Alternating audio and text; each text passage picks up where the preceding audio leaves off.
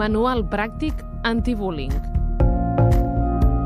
Oriol Julià, de CER, Salut i Educació Emocional.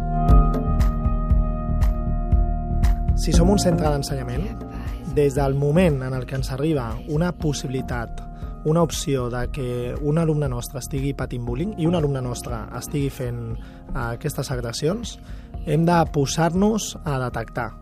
No podem passar-nos 3, 4, 5 mesos per decidir si és assetjament o no. I és igual que, que sigui assetjament o no. Hem de començar a treballar allà en pro del benestar. Hem de començar a veure com estan les persones que estan en aquell moment eh, en aquesta situació, sigui bullying o no. És molt important que comencem a parlar amb els pares, que comencem a esbrinar què passa, quina és la situació personal.